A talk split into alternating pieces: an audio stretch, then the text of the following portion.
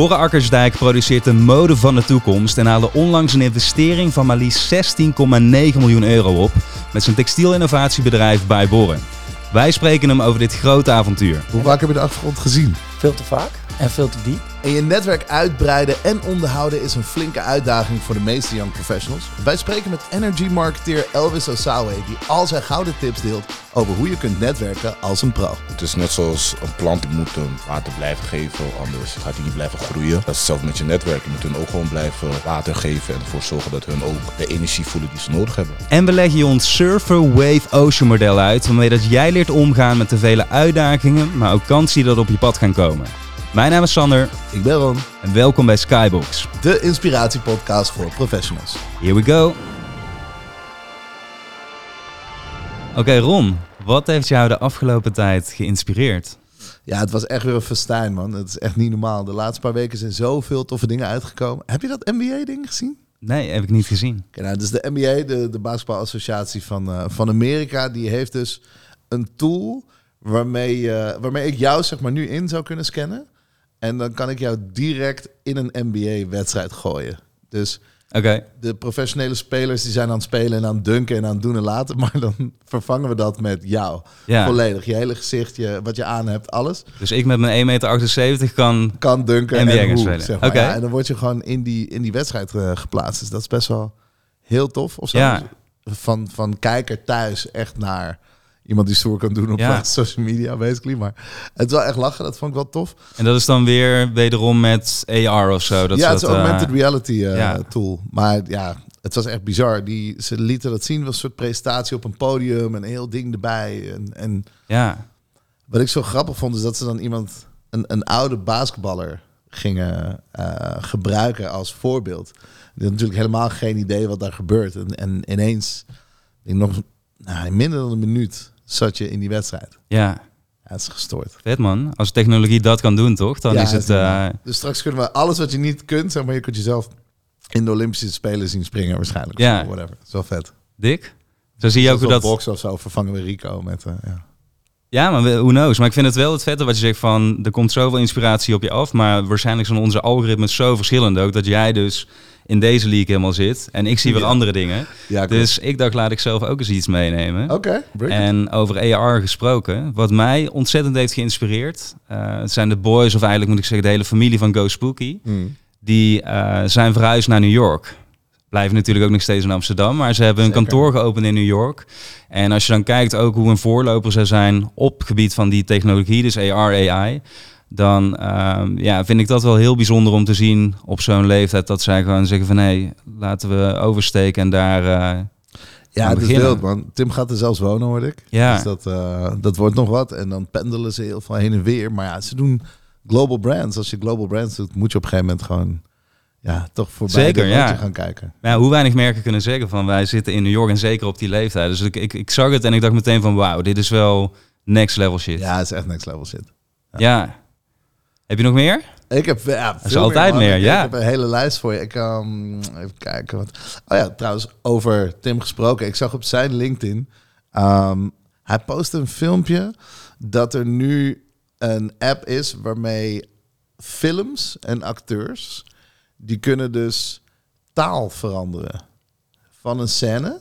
Oké, Ehm, waardoor je bijvoorbeeld een film kinderproof kunt maken. Door bijvoorbeeld slechte taal eruit te halen. ja, Ehm, ja. Maar je kunt het ook laten vertalen direct.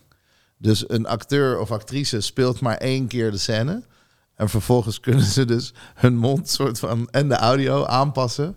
Waardoor Sick, ze Spaans spreken, Mandarijn. de- Duitsland zal blij zijn. Ja, nou, dat vind ik ergens wel jammer. Het is toch een stukje cultuur, weet je wel. Ja Dat man. je slecht gedubt wordt ergens. Maar Ja, tegelijkertijd is het wel echt sick. Dus je, je gaat niet eens meer naar ondertiteling kijken. De acteur. Ja, het wordt gewoon, Het, ja. het, wordt, het wordt native. En ook nog eens in de eigen stem van de acteur. Want het is... Je wat ik bedoel? Dus, ja, ja, ook die stem wordt weer gekopieerd natuurlijk. ja, dus ik- ik, ik dacht echt bij mezelf... Wow, dit is best wel een verandering van alle internationale content die wij dus nooit hebben gezien. ja. Vanwege dit soort drempels. Die kun je nu A, wel gaan kijken. En B, heel de wereld kan met elkaar concurreren. Want alles wordt voor iedereen. Zeker man. Dit is ook wat je bij grote YouTubers, Mr. Beast, hadden we een aantal afleveringen terug over. Ja. Zijn content wordt gewoon ook in, in Zuid-Amerika en het overal gewoon language proof gemaakt. En nu nog niet met deze technologie, want ik weet dat het een beetje ja, houtje touwtje is ge, gesubt en dergelijke. Uh, maar het is wel tof inderdaad wat je zegt van als wij ook ineens content uit Zuid-Amerika kunnen gaan checken, maar dan voor ons begrijpelijk en ook een beetje naar Ja. onze cultuur gevormd misschien zelfs wel. Zou natuurlijk kunnen, want als Zou je een stem kunnen, ja, maar ik denk dat het juist sick is dat we kunnen ontdekken wat er niet, snap je, wat gewoon universeel is. dat is ook Komt er met universele interesse is gewoon Ja, waanzinnig. Dus daar kijk ik heel erg naar uit. Um, en rent alerts. Dat is gewoon Rent briljant. alert. Ja, rent alerts. Dus in Amsterdam, eh, extreme woningtekort. Iedereen zoekt een, een huurhuis, koophuis, weet ik veel Ja. wat er allemaal aan de hand is. Um, een paar slimme mensen die hebben een tool aangezet die dus alle vastgoed en alle makelaar websites elke minuut bezoekt en al die informatie eraf trekt, zeg maar scraped. Ja, ja. En dan vervolgens jou dus binnen één minuut een e-mail kan sturen met hey, dit huis is nu online. Dus je hebt het ongeveer sneller dan Funda. Dat is Ja, man. gestoord. Ja, Binnen een minuut van wat jij zoekt. Als je zegt, nou, ik zoek een eh, koophuis van zoveel vierkante meter. Dit is ongeveer ja. het budget. Krijg je binnen een minuut dat het ding op het internet staat in je inbox. Sick, Rand Alert. Het is best wel sick dat dit er nu pas is, vind ik. Want scrapen, dat gebeurt al heel lang natuurlijk. Dus je zou eigenlijk zeggen van, oh, dat, dat werd al wel gedaan of zo. Ja, nee, je moet er maar op komen. Ja. Nou, ik zou zeggen, elke profes- professional die nu luistert, die waarschijnlijk een huis zoekt, want wie niet, Ja, want wie niet. ga dit checken inderdaad. Ja, echt heel tof. Je kan natuurlijk ook op elke stad ter wereld. Het is zo schaalbaar. Ja, man, 100%. Dat, eh, dat sowieso. En wat ook schaalbaar is, blijkbaar, is onze winactie. Is dat schaalbaar? Nou, jij zei van, eh, we- stoppen er niet mee. Nee, sterker nog, we gaan gewoon door. Er zijn al twee mensen de gelukkige winnaar van een Skybox membership. Klopt. Ik vind weggeven een van de leukste dingen die er zijn. Mag, mag eigenlijk niet van het team, maar het is gewoon leuk. Ik vind het leuk. Laten we gewoon mensen dingen laten winnen. Dat is Ja. fantastisch. Wat kunnen ze winnen en hoe kunnen ze het winnen? Jij Skybox ons. Ja. man. Het is, ja, het is precies wat je wil hebben, toch? Het is eh, een, een vet jaarprogramma vol met inspiratie-events... waar je heel goed kunt netwerken. Eh, er zit vette doelgroep, toffe ondernemers, professionals, merken. Alles en iedereen is hier. Ja, Um, en op die evenementen leer je dus van alles. We praten over, weet ik het, eh, personal business. We praten over future. We praten over creativiteit. En eigenlijk al die dingen door elkaar heen. Dus je leert wat. Je connect met heel veel mensen. En je kan van dit uitzicht genieten. Is gestoord. zeker. Ja. En eh, het, het klinkt wel cheesy om te zeggen, maar je moet er eigenlijk gewoon een keer bij zijn geweest. Eh, ik ben er gelukkig een paar keer bij geweest. En inderdaad ook wat je zegt, de mensen, niet alleen op het podium, maar ook in het publiek. Ik heb oprecht nog nooit zo'n unieke samenstelling van mensen bij elkaar gezien. En, En die setting is gewoon chill om mensen te leren kennen. Weet je, het is best wel lastig om op zoveel mensen af te stappen. Of bij hele grote evenementen dat te doen. Hier is het gewoon intiem. Het is klein. Het is echt een soort van clubhuis. En eh precies. dat maakt het makkelijk. Super simpel als je kijkt of luistert. Check de omschrijving.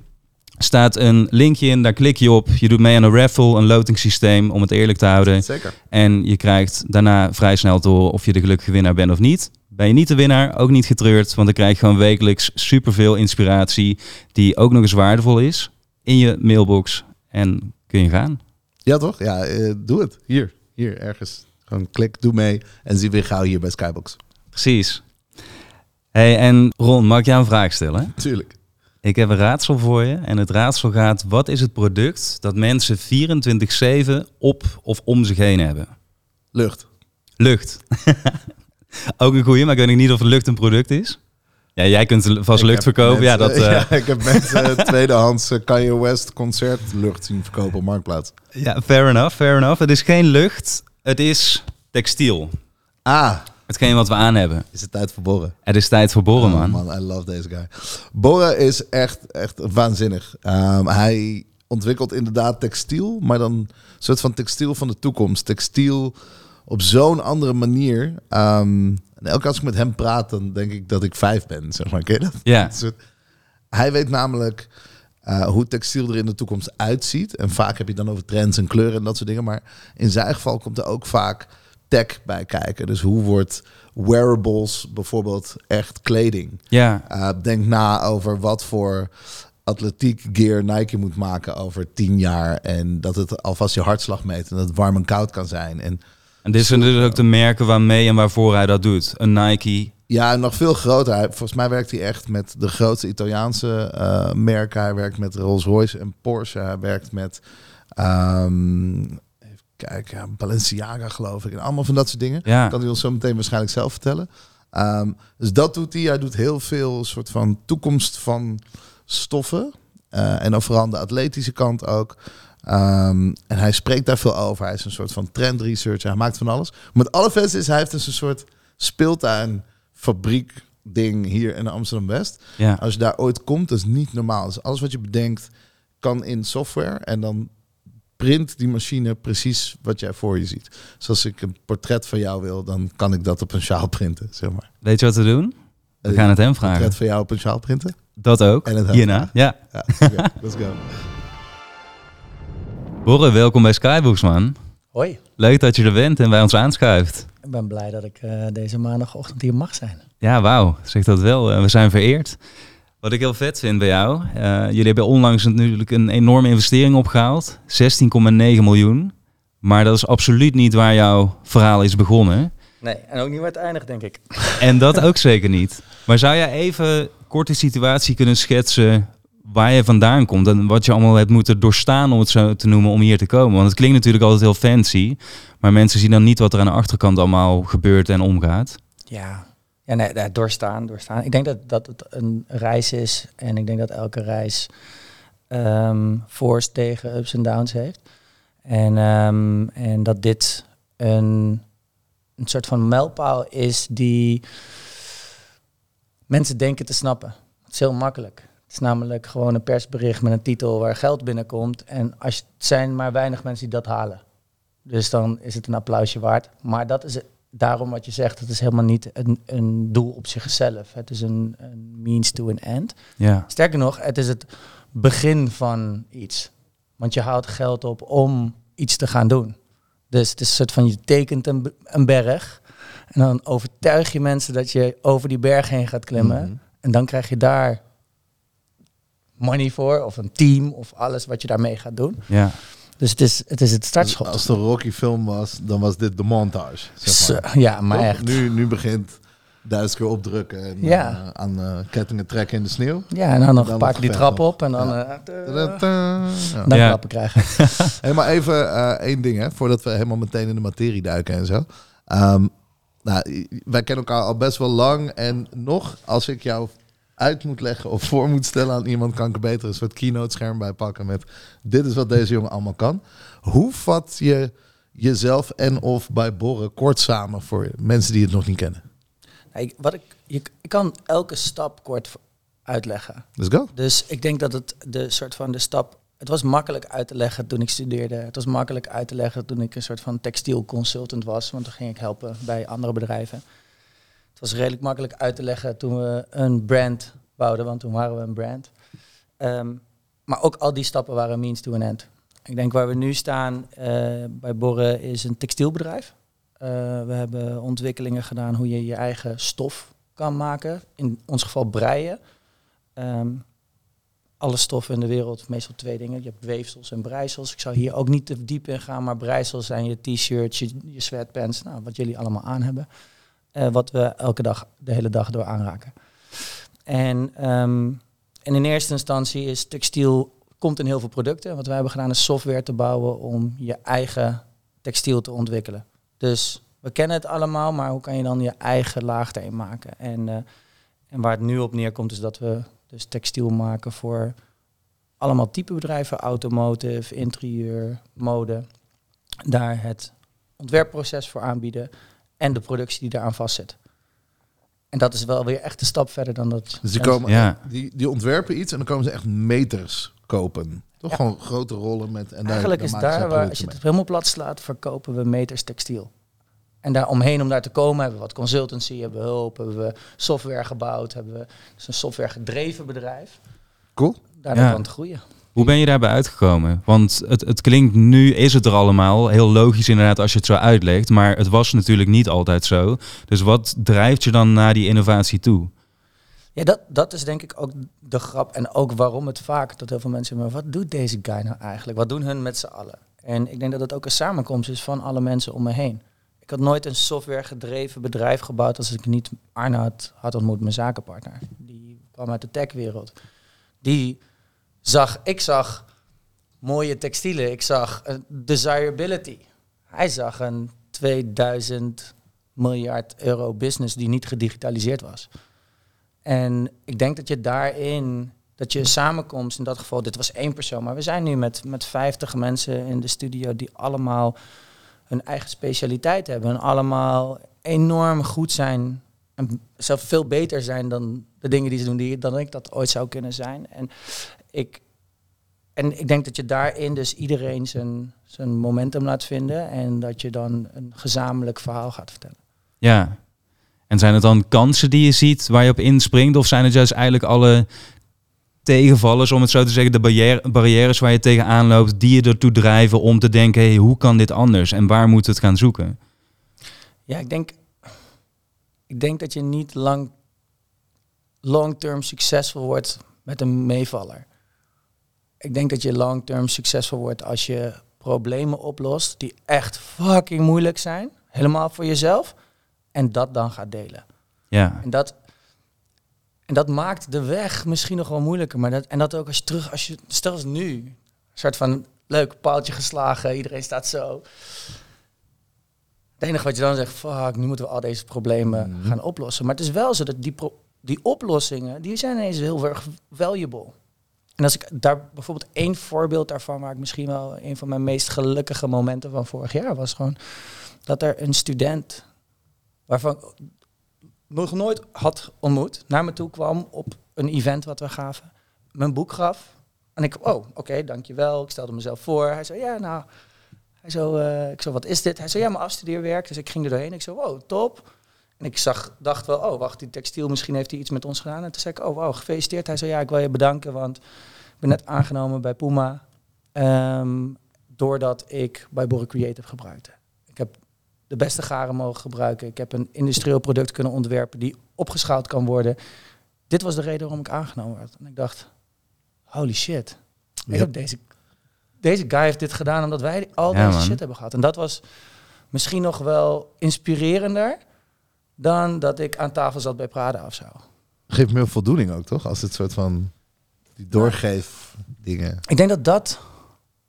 En, zo, en, en dat is een soort van veel groter vraagstuk. Maar dat je op een gegeven moment er wel af gaat vragen: gewoon van wat is dan echt succes? Is dan. Wat is succes voor jou?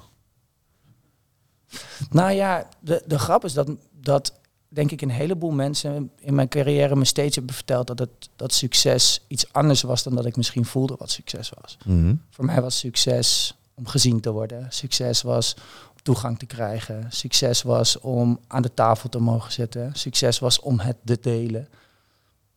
Terwijl ik heel vaak terugkreeg het verschil tussen een soort van succesvol zijn is of je, of je het echt kan waarmaken. En of je en waarmaken was dan eigenlijk bijna altijd of er geld voor wordt betaald. Succes is euro's. Ja. En dat is de, de wereld die gebouwd is. En dat is het, het model waar we in zitten.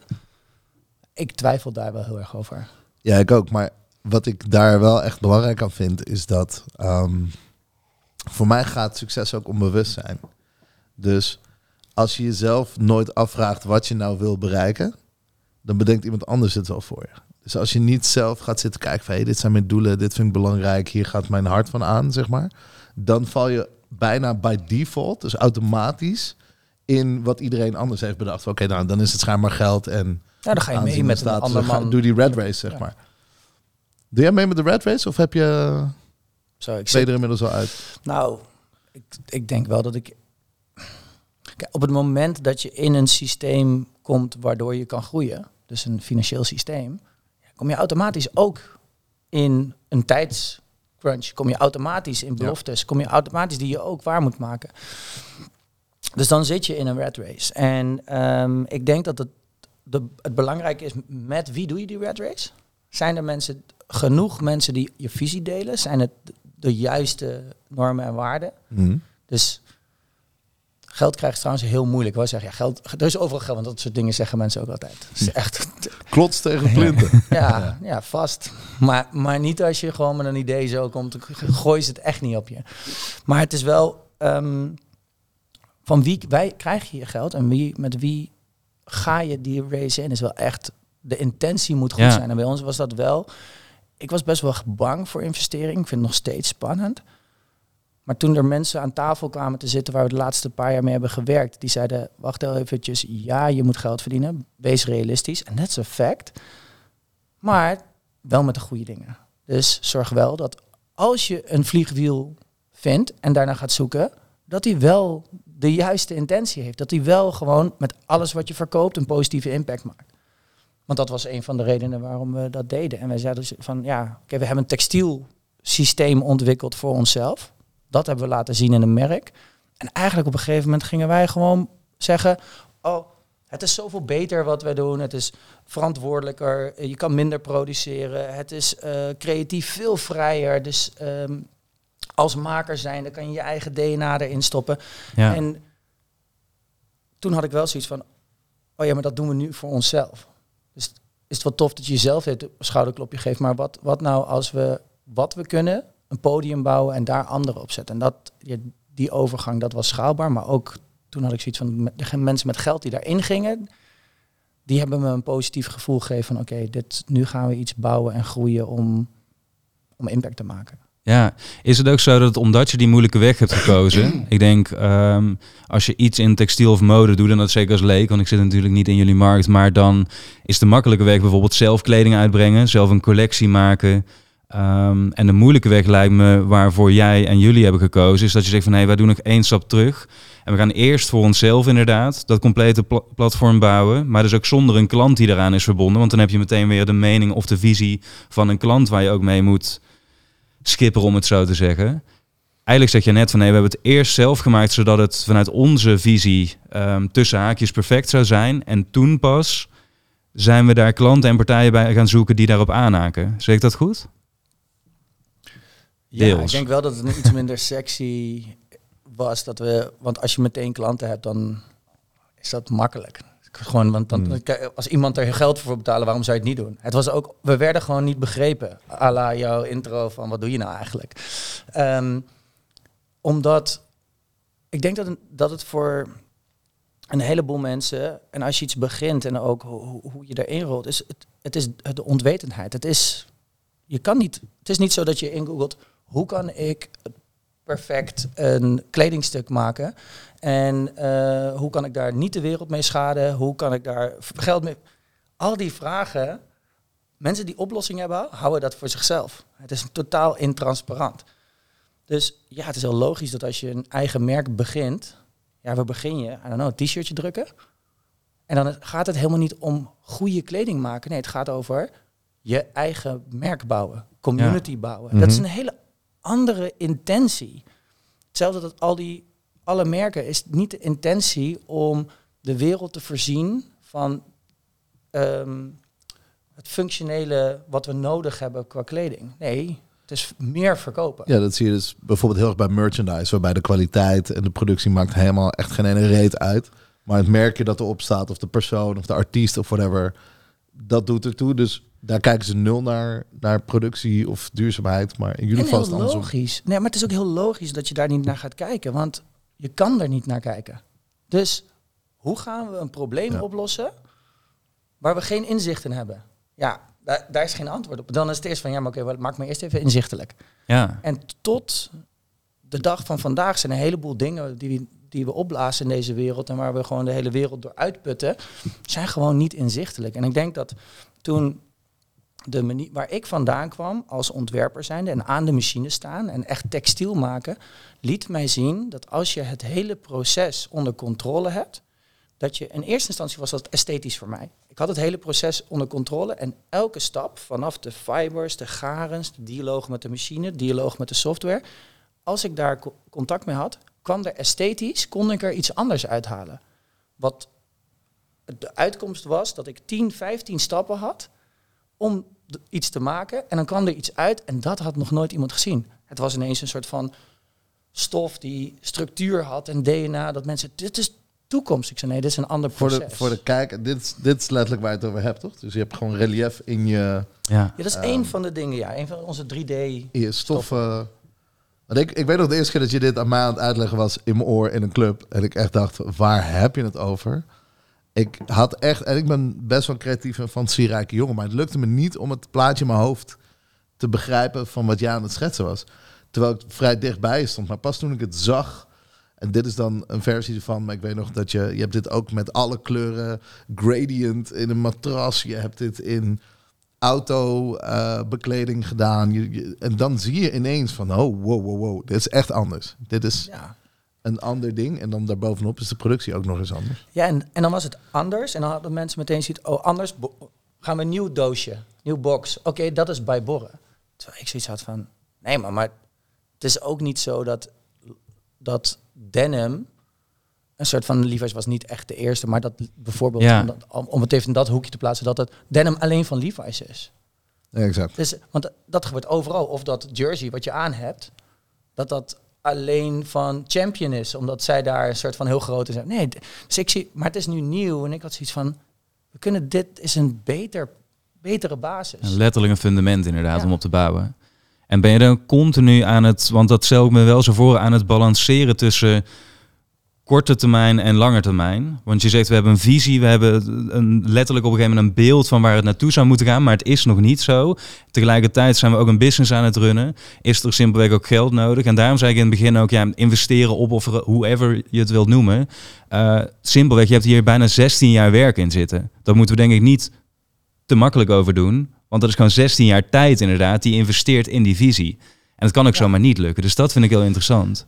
Nee, zeker. En ik denk dat dat, dat, dat ook voor mij persoonlijk is. Het is niet altijd wat ik goed vind, is dat dat ook het beste voor het bedrijf is. Dus daar moet je een balans. En of waar ik denk dat we moeten zijn, dat dat misschien nog wel heel ver vooruit is. Dus die balans tussen ook elkaar vertrouwen. eh, zorgen dat je wel dezelfde richting op gaat, maar hoe je dat doet en, en wie dat ook doet. Ja, dat is, dat is heel veel uitzoeken. Maar je hebt gelijk dat er, dat er voor mijn leven 16 jaar in zit. En dat er ook heel veel investering in zit. Ja. En, eh, en dat het gaat over echt pionieren. En, en dan merk je ook dat als je echt beweging maakt en een beetje iets verandert, dat er ook grote spelers ineens denken, wacht wel even, hier, dit is anders dan wij gewend zijn. Laten we dat even tegenhouden. Ja, dat ook. Maar ook grote spelers die wel ineens uiteindelijk interesse tonen, toch? Want stel dat dit een soort rap battle was en jij mocht nu stoer doen met klanten die je hebt, dan zou je hem winnen, denk ik. Laten we eens doen. Ja, dat, nou, dat, dat- dat zou ongetwijfeld... Kunnen we er een paar noemen? Is dat, of is dat awkward? Nee, nee, dat, op, op zich kan het wel. Ik denk als je kijkt wie alleen al ons platform nu testen en gebruiken, dat de top 10 automerken er allemaal samples mee maken. En sommigen zijn het ook al aan het gebruiken in hun conceptcars. Waar Dus- praten we over? Is dat Porsche? Is dat Rolls Royce? Ja, is er, er komt toevallig, volgens mij volgende week, een Porsche die Daniel Ars- Arsham heeft gedaan met onze stof uit. Eh, maar eh, Mini, BMW, McLaren heeft net wat gedaan. Eh, Rolls Royce is aan het samplen. Ehm, ja, het is wel... dat- that's just the cars, zeg maar. ja, dat is just the cars. En, maar dat maakt ook dat een soort van... Je bent wel eens, ze vinden het heel interessant, maar dan hoe ga je naar die meters toe? En hoe ga je ook gewoon hun... Het is nog steeds wel een soort van nieuwe business. Dus het gesprek en de interesse, ja. En dus Juist. automotive is nog is, is moeilijk. We zien dat we in de interieurwereld wel echt, echt aan tegen eh, de status quo aan het aanduwen zijn en dat daar verandering is. Dus je ziet de Nederlandse merken het nu op, oppikken. We gaan een hele grote show doen in Milaan Design Week, waar je ziet dat alle ontwerpers naar ons kijken en ook bij onszelf komen eh, werken. En in de mode was het, was het iets makkelijker. Maar daar is het wel dat mensen gewend zijn aan het modesysteem. En dat ze denken, oh, wij willen ook met hen samenwerken. Laten we een collab doen. Ja. En eh, wat voor merken en bedrijven hebben we het dan over? Waar komen we stof van bij Borre tegen in... eh, De laatste, laatste wat uit, of laatste paar dingen die uit zijn gekomen. We hadden afgelopen week kwam O'Neill met een collectie uit. We hadden Palace eh, met een laatste collectie die uitkwam. Albino en Preto, wat ik zelf heel hard vind, want het is een jiu-jitsu merk wat echt weer een niche, niche is. Ja. Eh, daarvoor was Hercula, wat ook een niche is, die je niet kent als je geen boswachter bent of niet jaagt. Ben je een boswachter of jaag je, dan draag je dat. Anybody. Dus het, wat ik, dat vind ik dan heel erg tof, dat je eigenlijk in niches een oplossing wordt. En eh, een, een product waar ze nog beter een verhaal mee kunnen vertellen. En nog functioneler iets kunnen maken. Maar waar ik eigenlijk heen wil, en dat is weer waar wil ik staan? En, Mhm. en Ja. waar is de toekomst? En waar we nu staan, nu willen mensen collabs doen. Terwijl ik eigenlijk tegen alle merken wil zeggen... I don't care about the collab. Wat ik wil is dat jullie naar totaal verantwoordelijke textiel toe gaan. Exact. En dat jullie de creativiteit en die vrijheid gebruiken om jullie eigen verhaal te vertellen. Door ons productieproces minder, maar beter te produceren. Hoeveel procent gaan jullie dit jaar doen? En dat is een ander gesprek die ze ook weer niet gewend zijn. Dus je bent altijd Ja. een soort van aan het zoeken. Terwijl, ja, dat, en dat vind ik persoonlijk super interessant. En wat ik best wel interessant vind, omdat ik een beetje ook in die business zit, is je innoveert. Hè? Je maakt toekomstige eh, dingen. Je, maakt, je bent inspirerend. Je bent een inspiratiebron. En dus komen al die merken kijken. Iedereen komt kijken. Iedereen wil even aanraken. Iedereen wil even testen. Maar dan moet er wel conversie gedraaid worden. Want uiteindelijk ben je ook gewoon een business. Dus die, het is leuk dat iedereen het krijgt. Maar hoe... Ik, ik kan me voorstellen, we hebben ook wel eens gesprekken gehad... dat je denkt van ja, alle aandacht van de wereld... Uh, maar toch kan ik ongeveer volgende week vrijdag failliet zijn, zeg maar. En ik, er moet gewoon wel geld binnen gaan komen. Is de reality. Hoe vaak heb je de achtergrond gezien? Veel te vaak en veel te diep. Ehm, en dat is ook wel dat, en dat hoor je ook heel vaak. Het gaat niet om wie het beste idee heeft, het gaat erom wie het langst volhoudt. Een soort van, het is een soort van altijd gewoon geloven. En geloof moet je ook houden. Want het is heel makkelijk om te zeggen, het gaat niet lukken. Ja, dan gaat het ook echt niet lukken.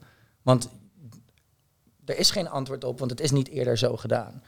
Dus ik denk dat je, en ook daarin, we zijn zo vaak ook degene die waarop de inspiratie, soort van, waar de inspiratie van wordt genomen. Een soort van your favorites designer, favorites designer. Ja. Ja. En, en, Lievelings-DJ is lievelings-DJ, maar dan van jou. maar echt, ja. En degene die eigenlijk het nummer heeft gemaakt, maar niet dat eigenlijk de remake veel groter werd. Second mouse gets the cheese, toch? Ja, Ja. maar echt. Dat is waar. Misschien een laatste vraag, wat ik me de hele tijd afvraag. Ben je in die 16 jaar vaak onzeker geweest of heb je vaak getwijfeld? Want ik kan me voorstellen, je had het net over vertrouwen. Vertrouwen in je visie en je idee. Maar vertrouwen is ook iets wat moet groeien natuurlijk. En ik vraag me heel erg af, want nu zien we de versie van jou hier voor ons. En ik weet zeker dat die ook nog veel en veel verder gaat evolueren. Die al 16 jaar onderweg is. Maar ik vraag me ook heel erg af, want ik ken jou niet voor dit moment. Van welke fases ben je inderdaad mentaal doorheen gegaan om tot deze innovatie te komen? Ja, ik heb wel echt. Als ik terugkijk, ben ik dus heel blij van, de momenten waar ik eigenlijk toen heel erg van baalde.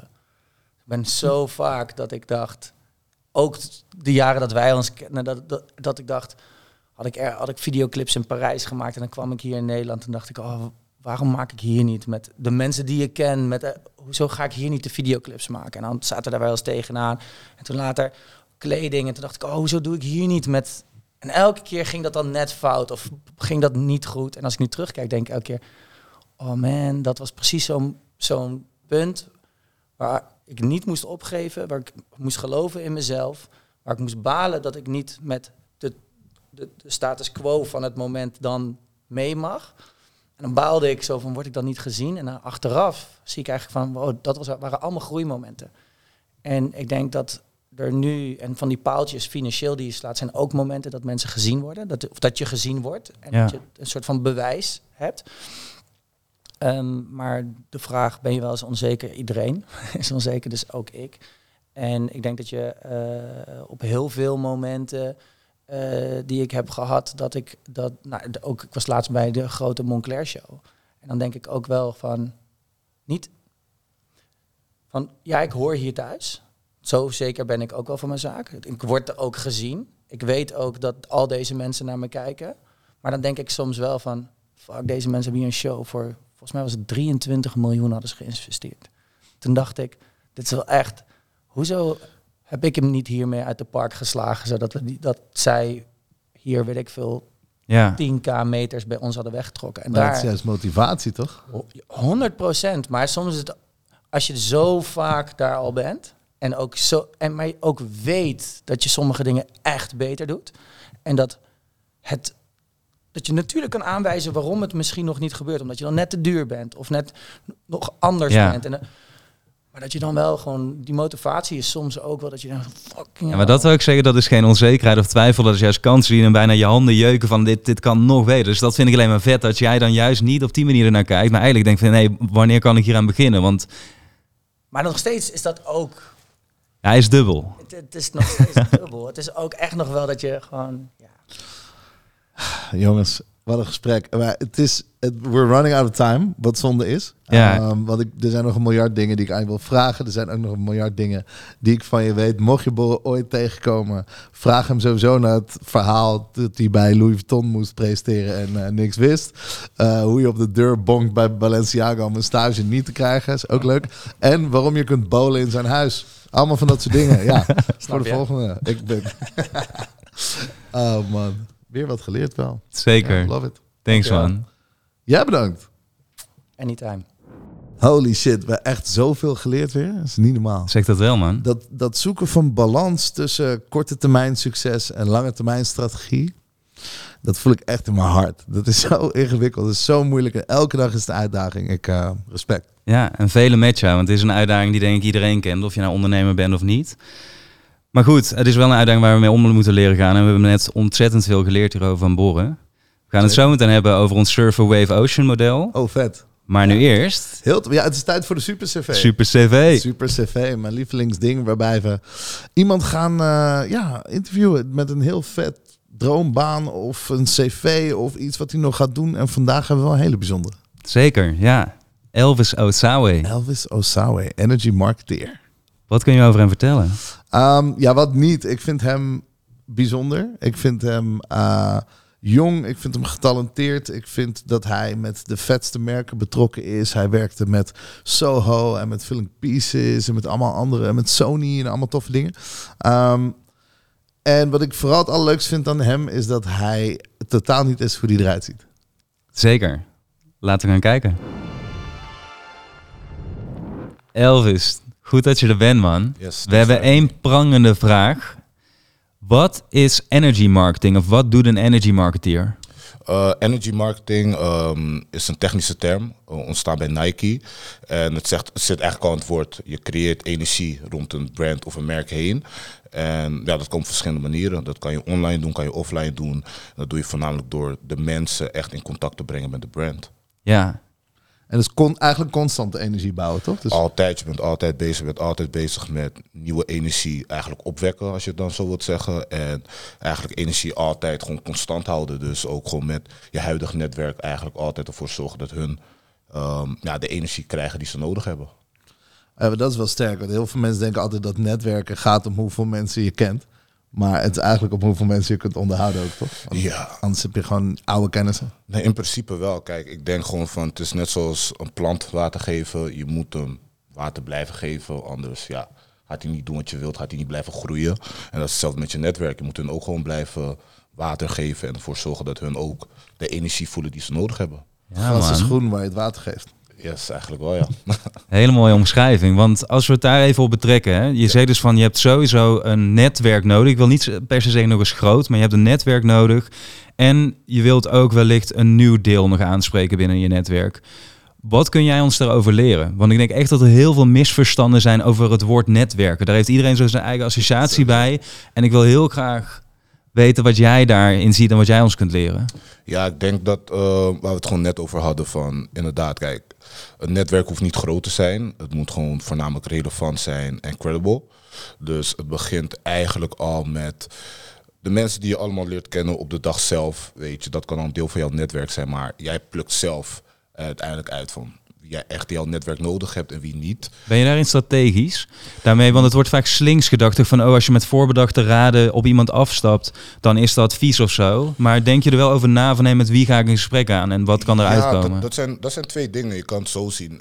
Eén is van, ja, in principe leer je heel veel mensen al kennen. En in de loop van de jaren, in de loop van de tijd, kan het zo zijn dat iemand die ik vandaag leerde kennen, morgen nu opeens daar of daar of hier zo zit. Waardoor je kent die persoon al. Dus het is al van, oké, het is niet van, ik heb jou jaren geleden geconnect om uiteindelijk vanuit te gaan dat jij nu op deze positie gaat hebben of deze functie gaat hebben. Maar aan de andere kant kan je het ook wel zo zien van, kijk, als ik nu weet, ja, Ron is de guy en ik moet met Ron aan tafel zitten, dan... ehm, Dus je hebt me gewoon geluld, is wat je wil zeggen. Nee, nee, dan ga ik eerst gewoon lekker een koffietje met je doen. Of dan ga ik eerst lekker gewoon eventjes gewoon even op een rustige manier naar jou toestappen. En op een manier naar jou toestappen van I don't really need something from you.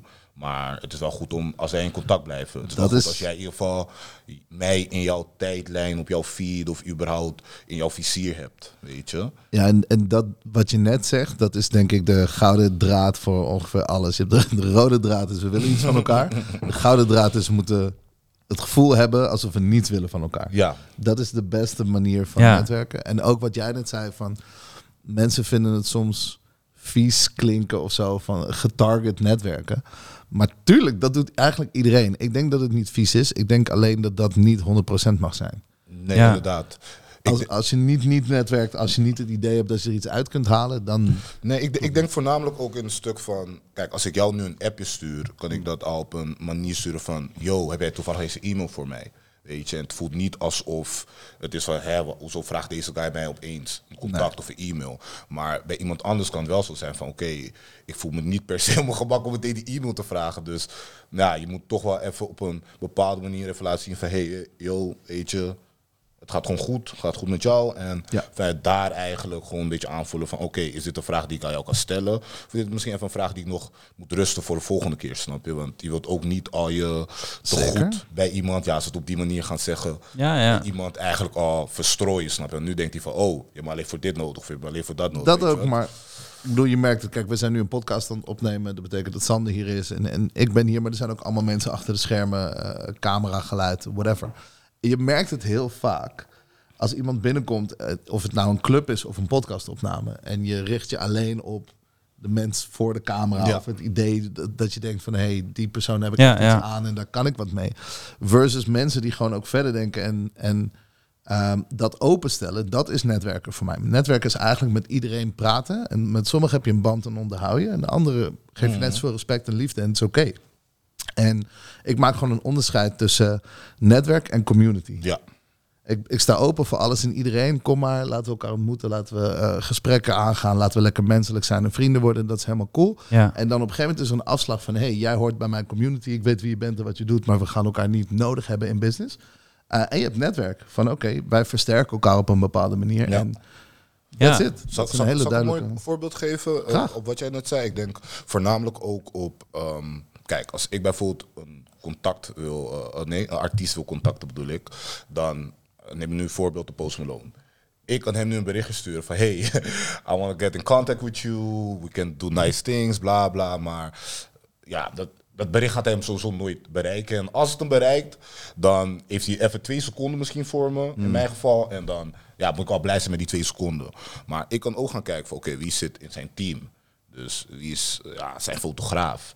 Wie is zijn tourmanager? Eh, wie is de guy die altijd daar op die foto staat? Ja. Maar Ja. wie is hij? Weet je toch, wie is hij? Weet je toch, als hij toch altijd op die foto met hem staat, maar hij is niet echt iemand bijzonders of zo, ja, in die woorden. Nou, meer misschien meer toegang. Ja, je kunt tot diegene exactly. sneller toegang krijgen dan tot in dit geval een Post Malone zelf. Ja. Exactly. Dus in principe wat eh, Ron net zei, je hoeft niet altijd de persoon op de voorgrond te pakken, maar je kan ook inderdaad iemand pakken die Ja. meer op de achtergrond zit. Die misschien zelfs meer eh, eh, van invloed is dan de persoon op de voorgrond. Bijna altijd. In principe wel. Ja. Het zijn, het zijn de mensen achter de schermen die de mensen achter de schermen kennen. En daar, komt, daar komen ideeën vandaan, daar komt productie vandaan, daar komen projecten vandaan, Netwerk vandaan. netwerk vandaan. ja, en dat is ook denk ik waar het zit. Ook omdat het andere zo verzadigd is. Snap je? Dus het, het, je weet dat je bij een artiest wil komen, dat stukje is duidelijk. Maar de route daar naartoe, dat vereist netwerk. En Ja. niet weten wie de artiest is. Ja. Dus eigenlijk zeg je kort gezegd van hey, je intentie moet zuiver zijn. Je moet niet direct iets terug verwachten, want dan werkt het letterlijk niet.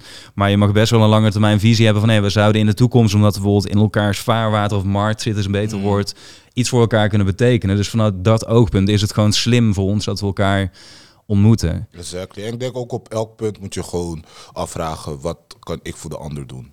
Ik denk dat dat Ja. voornamelijk is. Ook als je naar grote merken wilt opstappen, is dat eigenlijk de gouden draad dan weer van, ehm, ja, wat kan jij eigenlijk voor hun doen? Want jij komt nu misschien bij een grote merk van, hé, hey, ik wil een zak vol met geld om dit te regelen. Maar nu kijken ze naar jou van, maar wat kan jij voor ons regelen? Ja, dat is het zwarte gat ook vaak, toch? Dus je gaat, als jij op een artiest of een merk afstapt, dan is één kant van het verhaal heel duidelijk. Ja. Wat heb ik aan jullie, is, is duidelijk. En dat weten alle partijen. En dat is eigenlijk het verhaal, de, eigenlijk is dat niet eens het verhaal wat je moet brengen. Nee, daar hoef je niet eens meer over te hebben. Iedereen weet het. Iedereen weet het al. Dus het gat dat je moet invullen is, wat heb je aan mij? Wat Ja. kom ik brengen? Wat voor waarde heb ik? Ehm, althans, dat is hoe ik dat ook zie. En jij en ik zijn ook wel eens bij merken langs geweest. Of we hebben gesprekken hierover van... Er moet gewoon... eh, voor balans is er waarde nodig aan beide kanten. Ja. Want anders voelt het... Alles wat uit balans voelt, is korte termijn. Dat gaat niet lang duren. Weet je, mensen vinden het niet fijn. En, dat werkt niet. Dus je moet het uitbalanceren door, te ge- de- door waarde te geven. En wat ik ook tof vind, is dat het niet altijd dezelfde waarde hoeft te zijn. Nee. Zoals de een, weet ik van de artiest is met veel bereik en aanzien. Ehm, dan heeft hij wat anders nodig. Jij hebt dan dat bereik en aanzien wil jij inzetten om, om iets te promoten waarschijnlijk. Maar de artiest zelf heeft bijvoorbeeld juist structuur nodig of een ingang ergens anders of whatever. Dus Ja, het kan David en Goliath zijn qua eh, afmetingen van waarde, maar zolang er maar waarde is. En ik, ik denk ook gewoon van, in het geval dat jij Goliath bent in deze situatie, moet je David natuurlijk ook gewoon een kans proberen te geven. Want op een gegeven moment kan David jou ook verslaan, snap je? Dus Exact. Ja. eh, het is wel goed om David die kans te hebben gegeven. En dan eindstand, ja, zijn jij en David gewoon ja, goede vrienden, goede eh, relaties. En vanuit daaruit kan eigenlijk misschien nog meer ontstaan. In plaats van dat jij vanuit een bepaalde positie weer iemand anders blokt. Zeker. En ik denk ook wat heel belangrijk is bij wat we net bespraken, die waarde voor een ander, dat waarde altijd contextueel is. Dus wat, waar wil die ander dan ook naartoe? En ik heb ook wel eens gehad dat mensen tegen me zeiden, ja, maar ik kan je dit bieden. Ik zei, ja, ik ben helemaal niet op zoek naar dit. Of ik moet het nog niet weten dat ik naar op zoek ben, dan moet je me laten zien. Maar dan denk ik van, dan komt het nog steeds vanuit je eigen standpunt dat je denkt, dit is waardevol. En daarin denk ik dat bij jou ook een hele grote kracht zit. Eh, ik heb jou nu een aantal keer gesproken. Jij voelt mensen heel goed aan. Je bent heel goed met mensen. En kunt je volgens mij ook heel goed in een ander verplaatsen. Waardoor je dus kunt kijken van... hé, hey, kunnen we die belangen met elkaar verenigen? Ja. En dan heb je natuurlijk letterlijk een samenwerking van twee dingen komen bij elkaar en gaan nog verder werken. Mm. Dus dat vind ik echt heel tof aan wat jij eh, doet en wie jij bent eigenlijk ook vooral. En eh, een van mijn favoriete dingen aan jou is ook dat ten eerste je bent heel erg authentiek. Je komt altijd precies zoals je bent binnen. Je praat zoals je bent. Je ziet eruit zoals je bent. Ehm, maar gek genoeg vind ik ook dat je veel meer biedt en nog, nog best wel een hele open wereld achter jou hebt. Dus ik kan me best wel voorstellen dat iemand naar jou kijkt en denkt, oeh, zonnebril binnen, kom met een moeilijke jas, altijd omringd door, weet ik veel, supersterren en artiesten. Ik vind je eigenlijk zelf een soort ster. Ehm, maar wat ik heb ontdekt, en dat vind ik echt misschien wel jouw kracht, is dat je vervolgens eh, toegankelijk bent voor iedereen gesprekken hebt met iedereen. En niet om het een of ander, maar gewoon oprechte interesse en oprecht geduld en oprechte tijd voor alles en iedereen. Ehm, en dat vind ik gewoon mooi. Ik vind het een mooie tegenstrijd. Echt een don't judge a book by its cover verhaal. Uh, en dat kreeg ik ook terug uit mijn netwerk. Jij en ik bezoeken elkaars evenementen. We komen wel eens op plekken en dat vind ik juist tof. Um, en ik, ik merk altijd dat er een soort van... Er is altijd reactie als jij een kamer inloopt. Good, bad, maakt niet uit. Er is, altijd, er is altijd energie, er is altijd een reactie. En na het evenement is altijd dezelfde reactie. Yo, die Elvis. Nooit verwacht. Nooit gedacht dat we zulke gesprekken zouden hebben. Wat een aardige jongen, wat dit en dat, zo, zo. Is dat een tactiek? Of is dat gewoon karakter? Ik denk karakter. Ik denk karakter. Ik denk, uh, ja, op een gegeven moment word je ook ouder en besef je opeens, oké, dit is wel deel van mijn karakter. En dan misschien ook, ja, misschien wat je zegt, een van mijn superkrachten. Dus die ik misschien ook meer tactischer kan gebruiken, misschien zo wel. Maar uh, nee, ik denk dat het wel echt puur komt uit karakter. Ik denk voornamelijk vroeger, toen ik wat jonger was, um, ik kom op zoveel plekken, ik, kom met zoveel mensen in aanraking. En net wat je zegt, don't judge a book by its cover. Heb ik vaak genoeg ook gedaan, dat je opeens gewoon op je oren wordt geslagen van, hey, oh, had een hele andere verwachting van deze persoon en nu besef je van ja, deze persoon doet dit of doet dat of is helemaal niet zo gemeen als je dacht. Ja. En um, inderdaad dat al sowieso bij ja, het mens horen, bij het mens zijn hoort. Maar daarnaast, ja, sowieso moet je het ook wel in het netwerk gewoon goed kunnen toepassen. Weet je. je moet wel weten wie voor je staat en met wie je praat. En als je dat niet weet, um, ja, probeer een beetje achter te komen. Uh, ga niet over uh, ja, vlees praten als iemand vegetarisch is, bij wijze van. Snap je hoe dom dat ook klinkt? Ja, man. Dan, dan heb je al geen match in het gesprek meer, snap je? En een ander ding wat ik heel erg interessant vind, is ik kreeg altijd de vraag, als we ons samen ergens zagen of zo, wat doen deze twee mensen met elkaar? Hoe, hoe werkt dat? Um, maar wij hebben altijd gesprekken over generaties. Jij bent een generatie jonger dan ik. Je gaat om met een generatie zelfs daar nog onder. Dus dat is uit mijn wereld, zeg maar. Maar tegelijkertijd zijn de mensen met wie ik omga, mijn generatie, is natuurlijk ook weer interessant voor, voor jou. Mm. Um, en wat ik daar zo'n toffe les vond, is dat vaak als je probeert te levelen met mensen van jouw leeftijd, jouw categorie, jouw industrie, whatever, dan komt daar vaak concurrentie naar boven. Zeg maar. Zo van, oh ja, ja, vinden elkaar wel tof, kennen elkaar wel, maar we kunnen elkaar niet echt helpen, want we doen een soort van hetzelfde. Ja. Maar als je dus een generatie omhoog of omlaag gaat, dan versterkt het in elkaar ineens. Dan mm. is er eigenlijk geen concurrentie meer, omdat je niet meer dezelfde vijver vist. Kun je nog steeds hetzelfde doen. Um, en, en je kunt elkaar heel veel leren. Ja, Uit, uit, uit ervaringen en een soort van wijsheid. En misschien mensen op senior plek of zo kan ik heel erg helpen bij Elvis. En andersom, als ik moet weten, yo, wat is nieuw, wie is nieuw, wat gebeurt er voor toffe dingen, wat is de sound in de club, want dan kom ik ook nooit meer. Um, dat is niet helemaal waar, maar oké. Okay. Uh, allerlei van dat soort dingen, dat, daar, daar creëert waarde zichzelf automatisch of zo.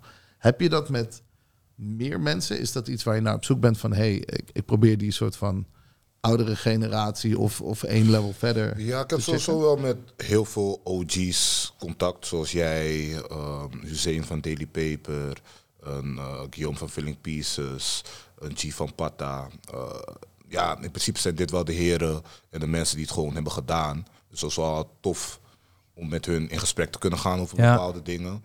En ik denk ook gewoon een beetje nou, een soort van reflectie. Ook gewoon van, oké, weet je, misschien ben ik met dit of dat bezig. En dat hun mij kunnen helpen in mijn ja, soort van gedachten van, hey, ik zou het misschien op deze manier doen. Of oké, toevallig deze dame die hier zo zit, of deze guy die daar zo zit. Dus uh, het is sowieso altijd handig om gewoon met de OG's gewoon in gesprek te blijven en in gesprek te gaan. Want ja, jou did it first.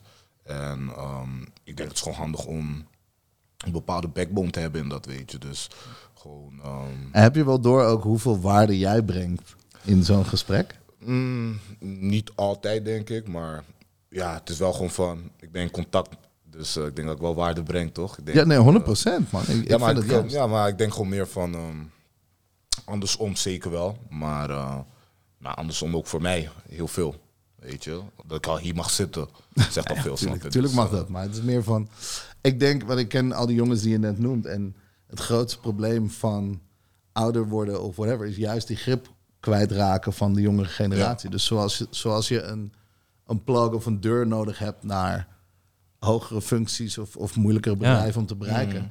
Datzelfde geldt andersom. Wij raken steeds verder weg van de deur richting de jeugd of de deur naar uh, de nieuwste trends en, en, nieuwste mensen. En dus, Zeker, maar ook voor, ook voor mij, weet je. Kijk, ik ben nu dan 26, maar je hebt ook al kids van 18, 17, 16 die nu al deuren opentrappen die ik op die leeftijd ook nooit kon opentrappen. Dus mhm. het is voor mij ook alweer van ik zie van, oh wauw, is nu een 17-jarige producer die met, uh, ik zeg maar wat, Kodak Black heeft geproduceerd, snap je? Of een 18-jarige producer die nu een Grammy wint met, uh, ja, met een baby Kim of zo, snap je? Dus in dat geval moet je dan ook wel beseffen, oké, weet je, de generaties worden ook gewoon jonger, weet je. Je kan nu al zo jong zijn en access hebben tot de industrie en een bepaald netwerk waar je ja, na 30 jaar misschien nog steeds niet eens een beetje in de buurt kan komen. Dus ehm, ja, het gaat sowieso both ways, weet je. Net zoals dat ik naar de OG's moet kijken, moet ik niet, ehm, niet opletten op wat,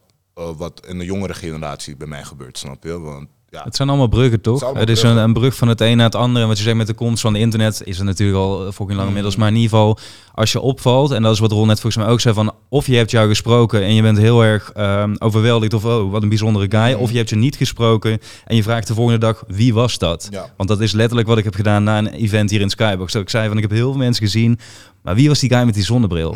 En dat is wat je online natuurlijk ook hebt. Van, er moet wel ergens eerst een spark zijn dat je opvalt bij iemand. Dan komt er een gesprek als je elkaar daarin dus goed aanvoelt wat je zegt, van je begrijpt elkaars wederzijdse belangen en je kunt dus van waarde voor elkaar zijn, dan zal het niet op dat moment zelf zich meteen um, manifesteren, zeg maar. Maar in een latere fase komen die paden verder bij elkaar. En ik denk dat wij drieën hier in deze samenstelling daar letterlijk een bewijs van zijn. Exactly. Dus ik wil je bedanken voor het delen van deze insights, man. Want nogmaals, netwerken, ik hoor zo vaak mensen daar de plank over misslaan. En ik hoorde maar een paar die plank echt gewoon volledig nelen. En daar zijn jullie er twee van. Dus eh, ook ik heb er veel geleerd nu dit, eh, in dit gesprek. Yes. Thanks, bro. Bedankt voor having me, Uh, anytime. En dat was Elvis. En dat was Elvis. What a guy. Ja man, je zei het al, van, van de buitenkant die is al bijzonder. Maar als je dan met hem spreekt en hoort wat voor wijsheden die eigenlijk heeft, letterlijk over mensen, dan ehm, heb ik er heel veel bewondering voor hoe dat hij dat doet. Ja, man. Ik neem hem ook graag mee. Ik gooi hem heel graag ergens een kamer binnen en kijken wat er gebeurt. Nou precies, en ook dat vind ik heel tof dat jij dat weer doet. En dat is volgens mij precies waar dat gesprek ook over ging. Elkaar kansen bieden en kijken waar je elkaar kunt versterken. Waar ik jou ook echt, eh, echt een koning in vind.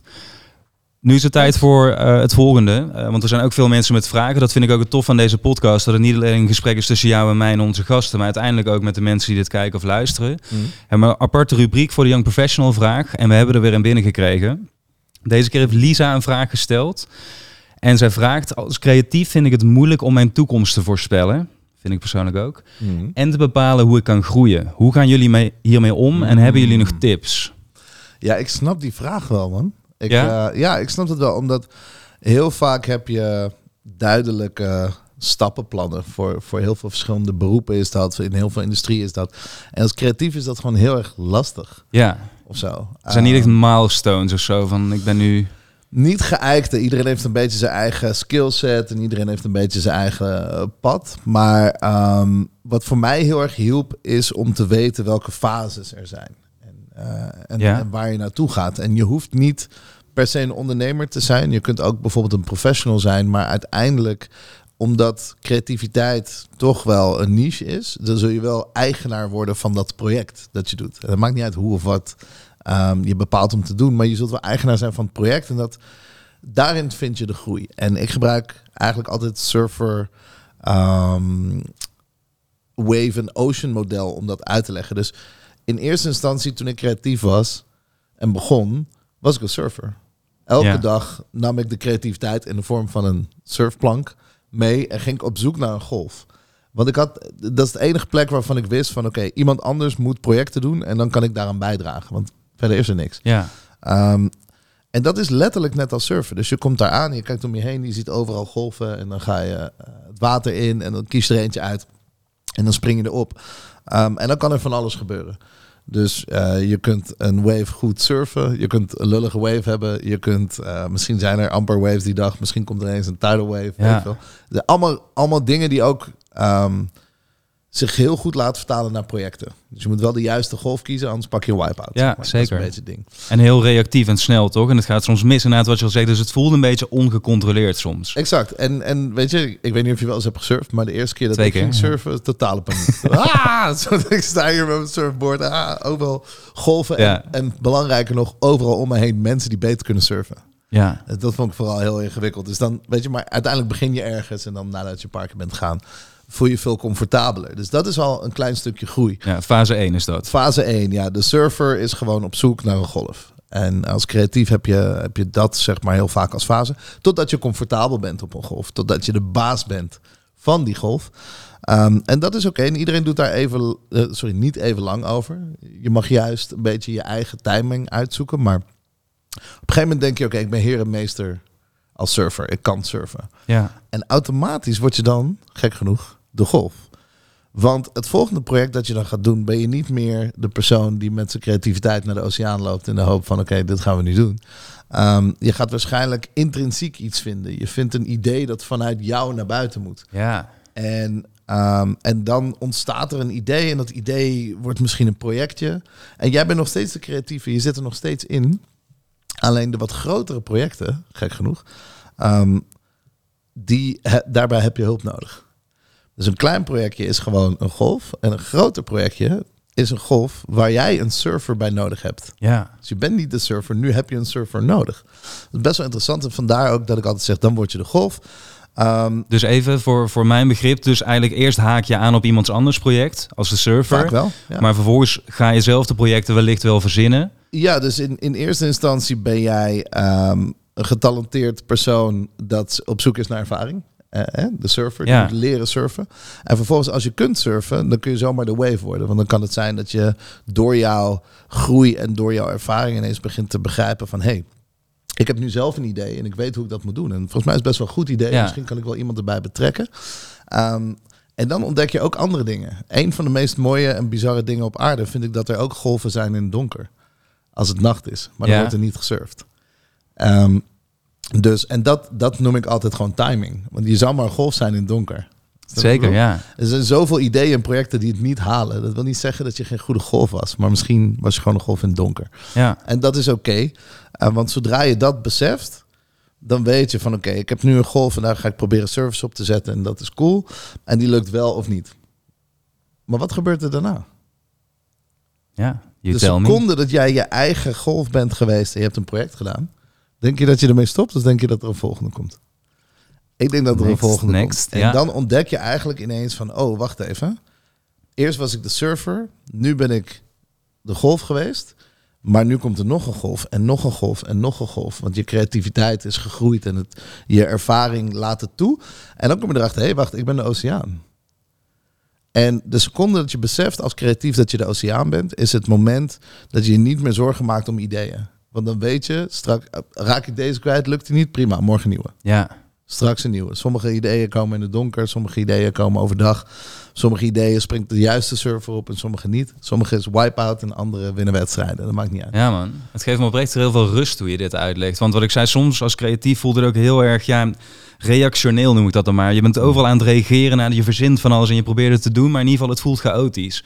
En de rust is dan vaak ver te zoeken. En hoe dat jij het nu omschrijft, is eigenlijk van nee, maar inderdaad, er komt altijd weer een volgende. En je kunt het zelf juist bepalen, inderdaad, als je op dat level komt. En dat En je voelt, voelt dat. Precies, ja. Dat voel je. Dus een creatief is gewoon iemand met een surfplank die naar de oceaan rent en probeert een projectwave te pakken. ja. Ehm, iemand die dat is gelukt, die gaat zijn eigen projecten doen en ontdekt dat hij een golf is. Soms een goede golf, soms een golf in het donker. En als je daarna doorhebt dat er altijd een volgende golf is, dan ben je Precies. oceaan. Dan heb je alle rust van de wereld. Ja, man. Ik voel dat ik nu nog op, op het golflevel zit. Mm. Ik voel me nog niet de oceaan. Ik heb wel die eerste stap inderdaad gemaakt dat ik zelf. Maar ja, het, het biedt me oprecht rust. En ik hoop dus ook, Lisa in dit geval ook, eh, om te horen hoe dat jij hier tegenaan kijkt en mee omgaat. En het biedt perspectief. Ehm, ik zou twee dingen zeggen. Lisa, als je dit hebt gecheckt, laat in de reacties onder de podcast weten wat je van het antwoord vond. Of jij hier iets mee kunt. Natuurlijk altijd belangrijk. En het tweede is, als je nu zelf een vraag hebt, laat hem ook weten in de reacties hieronder. Of op onze Instagram, skyboxnl. Want dan kun je in de volgende aflevering weer, eh, weer voorbij komen. In de DM. Ja, toch? Echt wel een vette aflevering weer. Ja, man. Niet normaal. Ik heb nu al wel echt ook zin in de volgende. Ehm, we hebben een van de beste vrouwelijke ondernemers van het land. Eh, opent fabrieken, gaat de grenzen over. Heeft ook nog eens een soort hele gekke, gezellige broer. Hele gekke broer. Zeker. En we hebben ook nog eens iemand die heeft gewerkt aan de Super Bowl. Heeft meegewerkt aan de Super Bowl campagne. Niet normaal, man. Moet dat je checken. Ja, gewoon checken. Zeker, man. Volgende aflevering van Skybox. Wij zijn eens meemaken. Let's go.